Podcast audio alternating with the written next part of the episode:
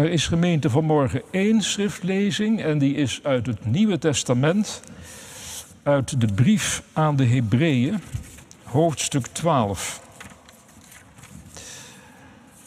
De versen 18 tot en met 29. U hebt niet, zoals het volk destijds, voor een laaiend en alles verzengend vuur gestaan, of in dreigende duisternis en woeste wind, nog te midden van bazuingeschal en stemgedonder. Het volk dat dit alles hoorde, smeekte dan ook dat er geen woord meer tot hen zou worden gesproken, omdat wat hun werd opgedragen ondraaglijk was.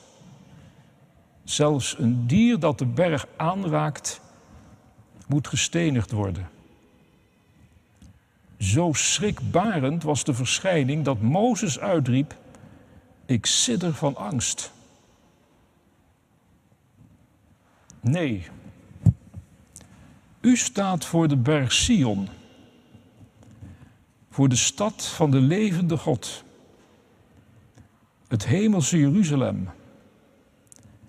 Duizenden engelen die in vreugde bijeen zijn. De gemeenschap van eerstgeborenen die in de hemel ingeschreven zijn. U staat voor God, de rechter van allen. Voor de geesten van de rechtvaardigen die tot volmaaktheid gekomen zijn. Voor de middelaar van een nieuw verbond, Jezus. En voor het gesprenkelde bloed dat krachtiger spreekt dan dat van Abel.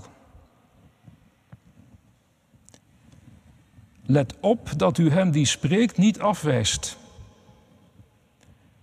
Want als zij al niet ontkomen zijn toen ze degene afwezen die hen op aarde onderrichten, dan kunnen wij, wanneer we ons afkeren van degene die dat vanuit de hemel doet, helemaal niet ontkomen. Destijds deed zijn stem de aarde wankelen. Maar nu heeft hij deze belofte gedaan. Nog eenmaal zal ik de aarde doen beven en met de aarde ook de hemel.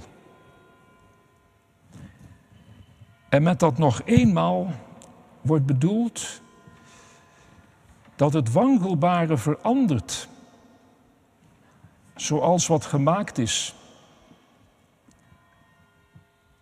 Zodat alleen blijft wat onwankelbaar is.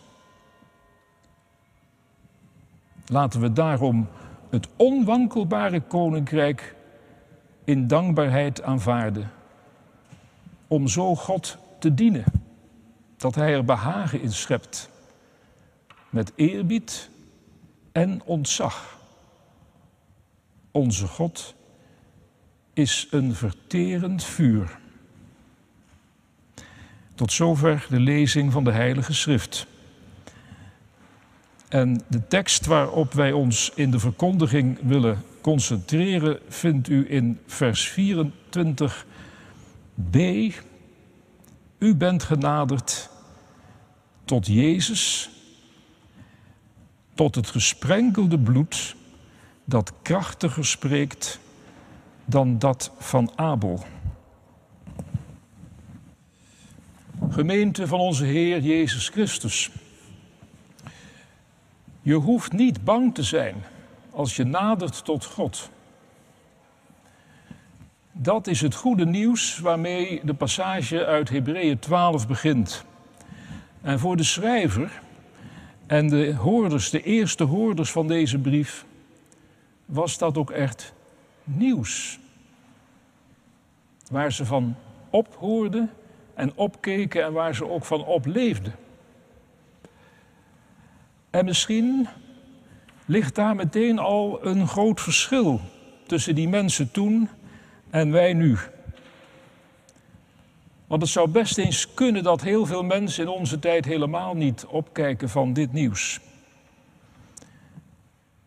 Voor moderne mensen spreekt het vanzelf dat je voor God niet bang hoeft te zijn. God is toch liefde?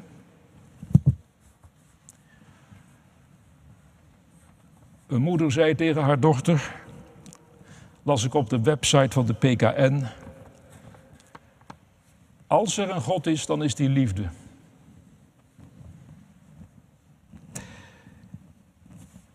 De schrijver van de Hebreeënbrief is geen modern mens die alleen in Gods liefde gelooft. Hij staat in het geloof van Israël. En Israël heeft God leren kennen als iemand die iets van ons mensen verwacht. God heeft zijn wil bekendgemaakt. Hij heeft zijn volk zijn wet gegeven. En hij deed dat in grote majesteit. We hebben het gehoord. Op de berg Sinaï, waar geen enkele kabelbaan naartoe loopt, daalde hij neer in een verterend vuur. Ook als hij tot Mozes spreekt, wat toch iets menselijks is, spreken tot een mens, dan blijft God onaantastbaar God. En zelfs beneden aan de berg mag het volk hem niet te dicht naderen. Want God is niet alleen groter dan wij, zoals veel moderne mensen nog wel bereid zijn te zeggen. God is wat groter is dan jezelf. Ja, dat is hij. Maar hij is ook anders. Totaal anders. Het verschil tussen hem en ons is een verschil tussen leven en dood. De levende God is heilig. En wat niet heilig is, kan voor hem niet bestaan. Mozes beseft het. Op de berg Sinaï is zelfs hij doodsbang. En tegen die achtergrond zegt nu Hebreeën 12 tot de christelijke gemeente: Als jullie naderen tot God, dan sta je niet voor een verzengend vuur. Jullie zijn niet genaderd tot de berg Sinaï, jullie zijn genaderd tot de berg Sion. Die lieflijke heuvel waarop de stad Jeruzalem is gebouwd waar de troon van David staat en de tempel waar God woont bij de mensen en zich benaderbaar maakt. Daar is geen angst. Daar is louter vreugde. Nu moeten we er wel bij bedenken dat wanneer de schrijver over de berg Sion spreekt, hij dat niet letterlijk bedoelt. Hij denkt eigenlijk niet aan die concrete heuvel, die tastbare berg, die zichtbare stad, die voelbare tempel. Voor hem is die hele berg Sion die daar ligt op aarde een beeld van het hemels Jeruzalem. Een geestelijke werkelijkheid. Ontastbaar en onstoffelijk. Die schrijver is wel helemaal geworteld in het geloof van Israël, maar hij is tegelijk een kind van zijn tijd. Net zoals wij allemaal. We kunnen de woorden uit de schrift alleen verstaan op onze manier. En zo is het ook hier. De schrijver hoort de woorden van de Israëlitische schrift maar zijn gehoorapparaat is als het ware het Griekse denken. Hij denkt zich de wereld in twee delen: een hogere, een geestelijke, een onwankelbare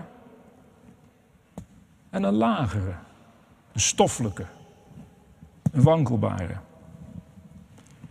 En als hij hoopt op Sion, de stad van God, dan stelt hij zich die stad voor op de Griekse manier als een hogere geestelijke, onwankelbare werkelijkheid.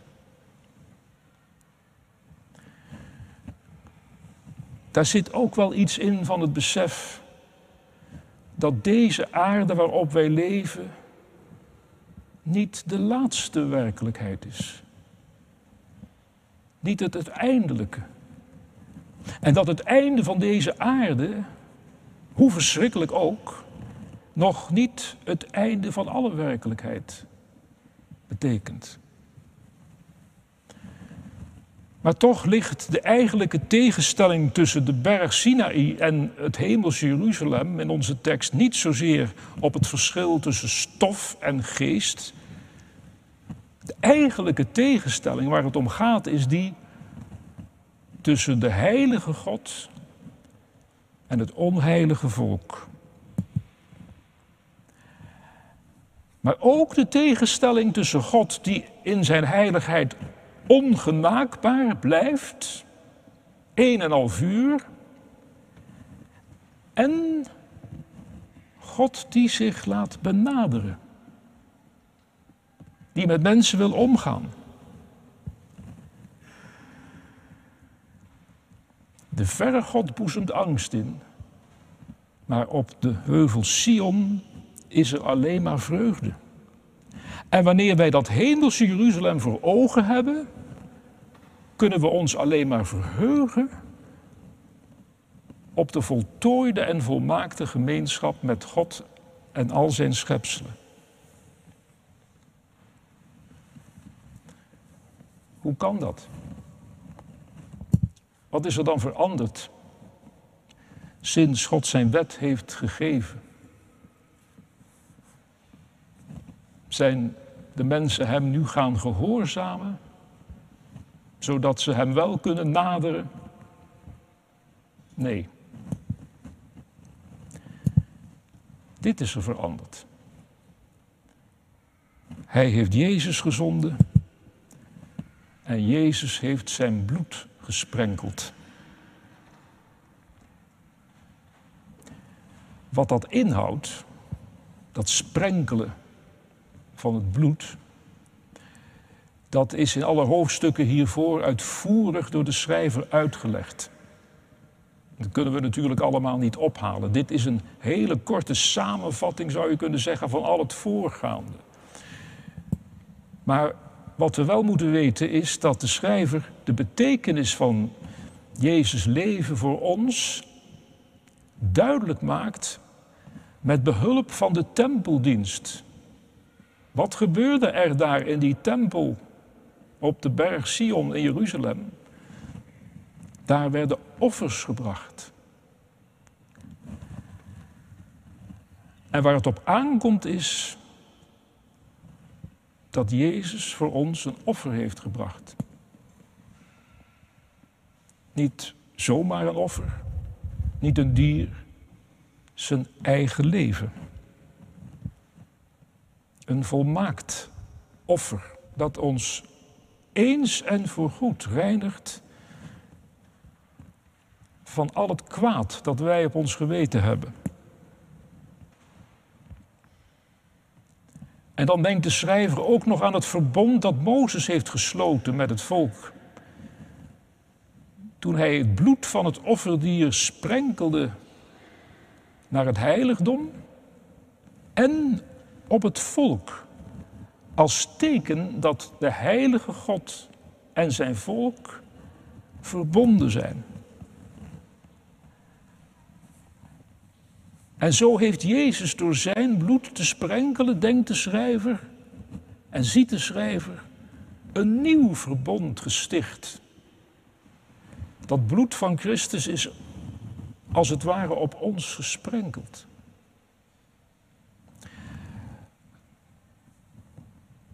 Wij worden daar aan herinnerd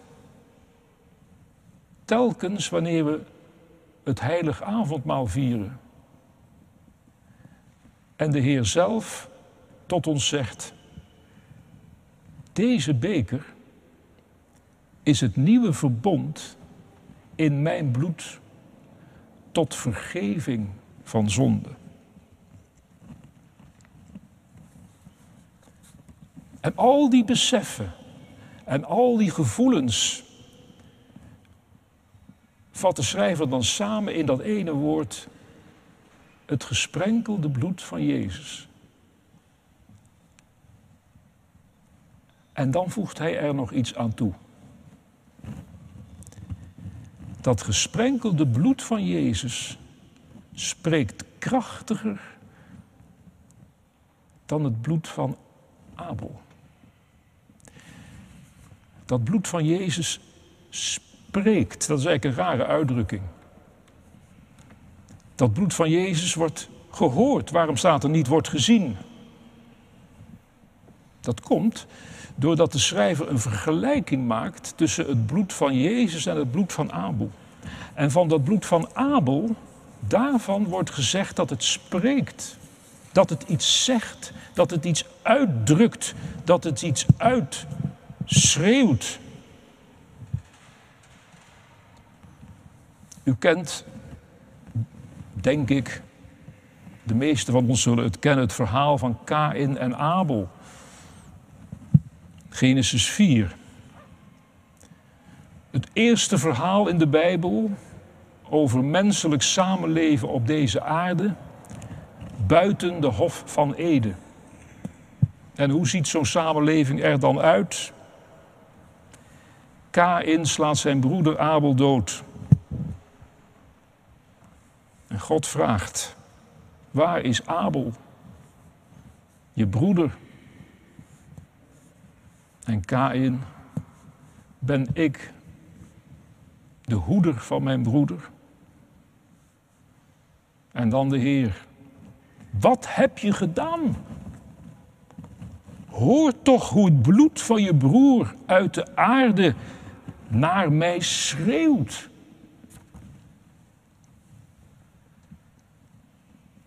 Het bloed van Abel schreeuwt uit de aarde. En Kain hoort het niet. Maar God hoort het wel. En hij is ontzet. Wat heb je gedaan? Kain en Abel.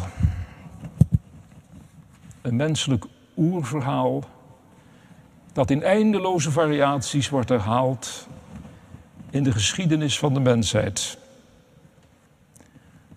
Het leven van je medemens vernietigen, je eigen verantwoordelijkheid ontkennen en de ontzetting van de heilige God daarover dat de mensen dit kunnen doen, dat zij zo het leven van elkaar en het leven van de aarde kapot kunnen maken. Het onschuldige bloed schreeuwt naar hem. Hij kan er zijn oren niet voor sluiten. En hij kan het ook niet verdragen. Want hij is heilig. En dan zegt God tot Kain: Hoor toch hoe het bloed van Abel uit de aarde schreeuwt. Hoor toch, horen wij het? Horen wij het bloed van Abel? Horen wij de schreeuw van al het leven dat op deze aarde wordt vernietigd? De onschuldige slachtoffers, mensen, dieren, planten, die worden opgeofferd aan menselijke begeerte en hebzucht. Horen wij het? De akkers raken uitgeput, de bossen verdorren en verbranden, de gletsjers en de ijskappen smelten, de rivieren vallen droog. Wij blijven het liefst gewoon doorleven, zoals we altijd hebben gedaan. Wij mensen zijn in staat om alles op deze aarde, ja deze aarde zelf, te vernietigen. Horen wij het kwaad dat schreeuwt uit de aarde? En hoe kan er een toekomst voor ons zijn als wij dit niet horen? God hoort het en hij is ontzet. En hij denkt, hoe kunnen mensen zoiets doen? Ja, dat is wel een heel ander geluid. Wij geloven in Gods liefde. En als we dan dingen zien gebeuren die ermee in strijd zijn, dan vragen we als moderne mensen ons al heel snel af: waarom laat God dat toe? Een serieuze vraag. Maar Genesis 4 confronteert ons met nog een hele andere vraag. Niet een vraag van ons over God, maar een vraag van God over ons.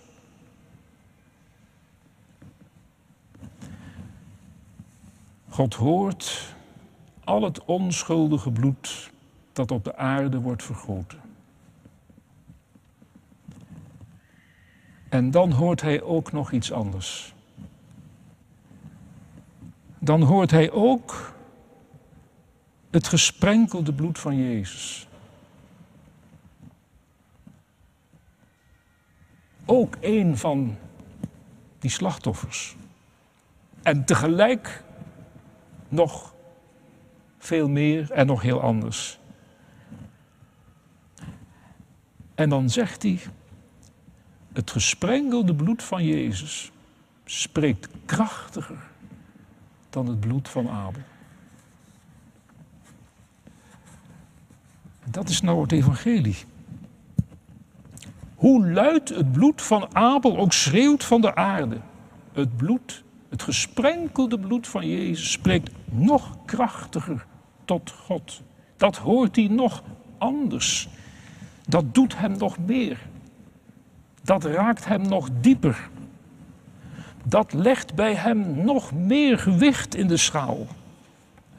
En als God dat leven en die dood van Jezus ziet, het volmaakte offer, dan is hij verzoend met deze mens, met Jezus en allen die Jezus vertegenwoordigt. Ondanks al dat onschuldig vergrote bloed.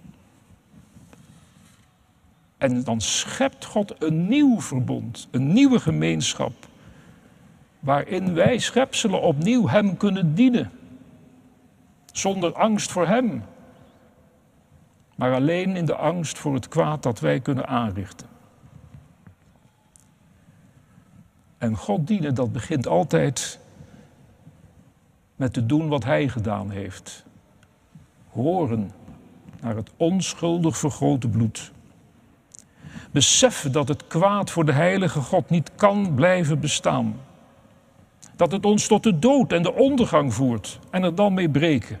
En kiezen voor het leven. En ons inzetten voor het leven en strijden tegen alles wat het leven kapot maakt, op welke manier dan ook. Zo God eren en dienen is leven in het nieuwe verbond.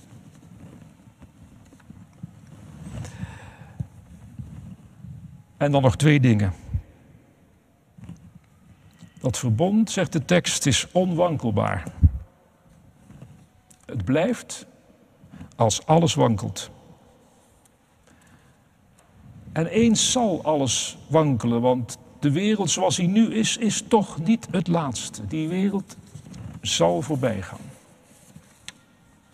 Maar wat betekent wankelen? Onze vertaling zegt, hij zal verdwijnen. Maar dat doet toch erg denken aan vernietigen. Letterlijk staat er in de tekst, de wereld zal worden veranderd. Dat heb ik dan ook maar gelezen.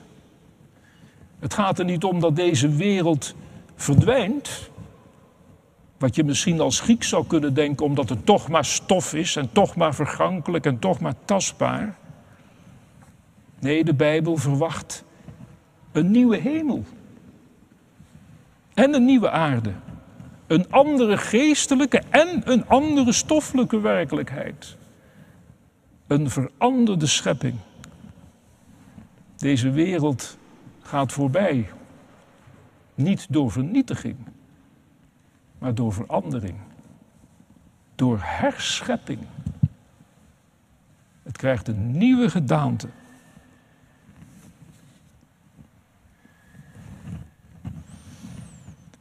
En dan het laatste, laatste vers.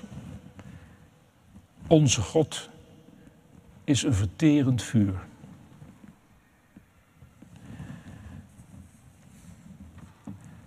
En daar keek ik wel van op toen ik dat las. Ik wist wel dat deze tekst in de Bijbel staat. Maar dat die hier staat. Is dit niet in strijd met het begin? U bent niet genaderd tot een verzengend vuur. Dat is toch het goede nieuws? Is God dan toch een verterend vuur? Wordt dat goede nieuws dan teruggenomen? Wordt het dan afgezwakt? Moeten we dan toch weer bang worden?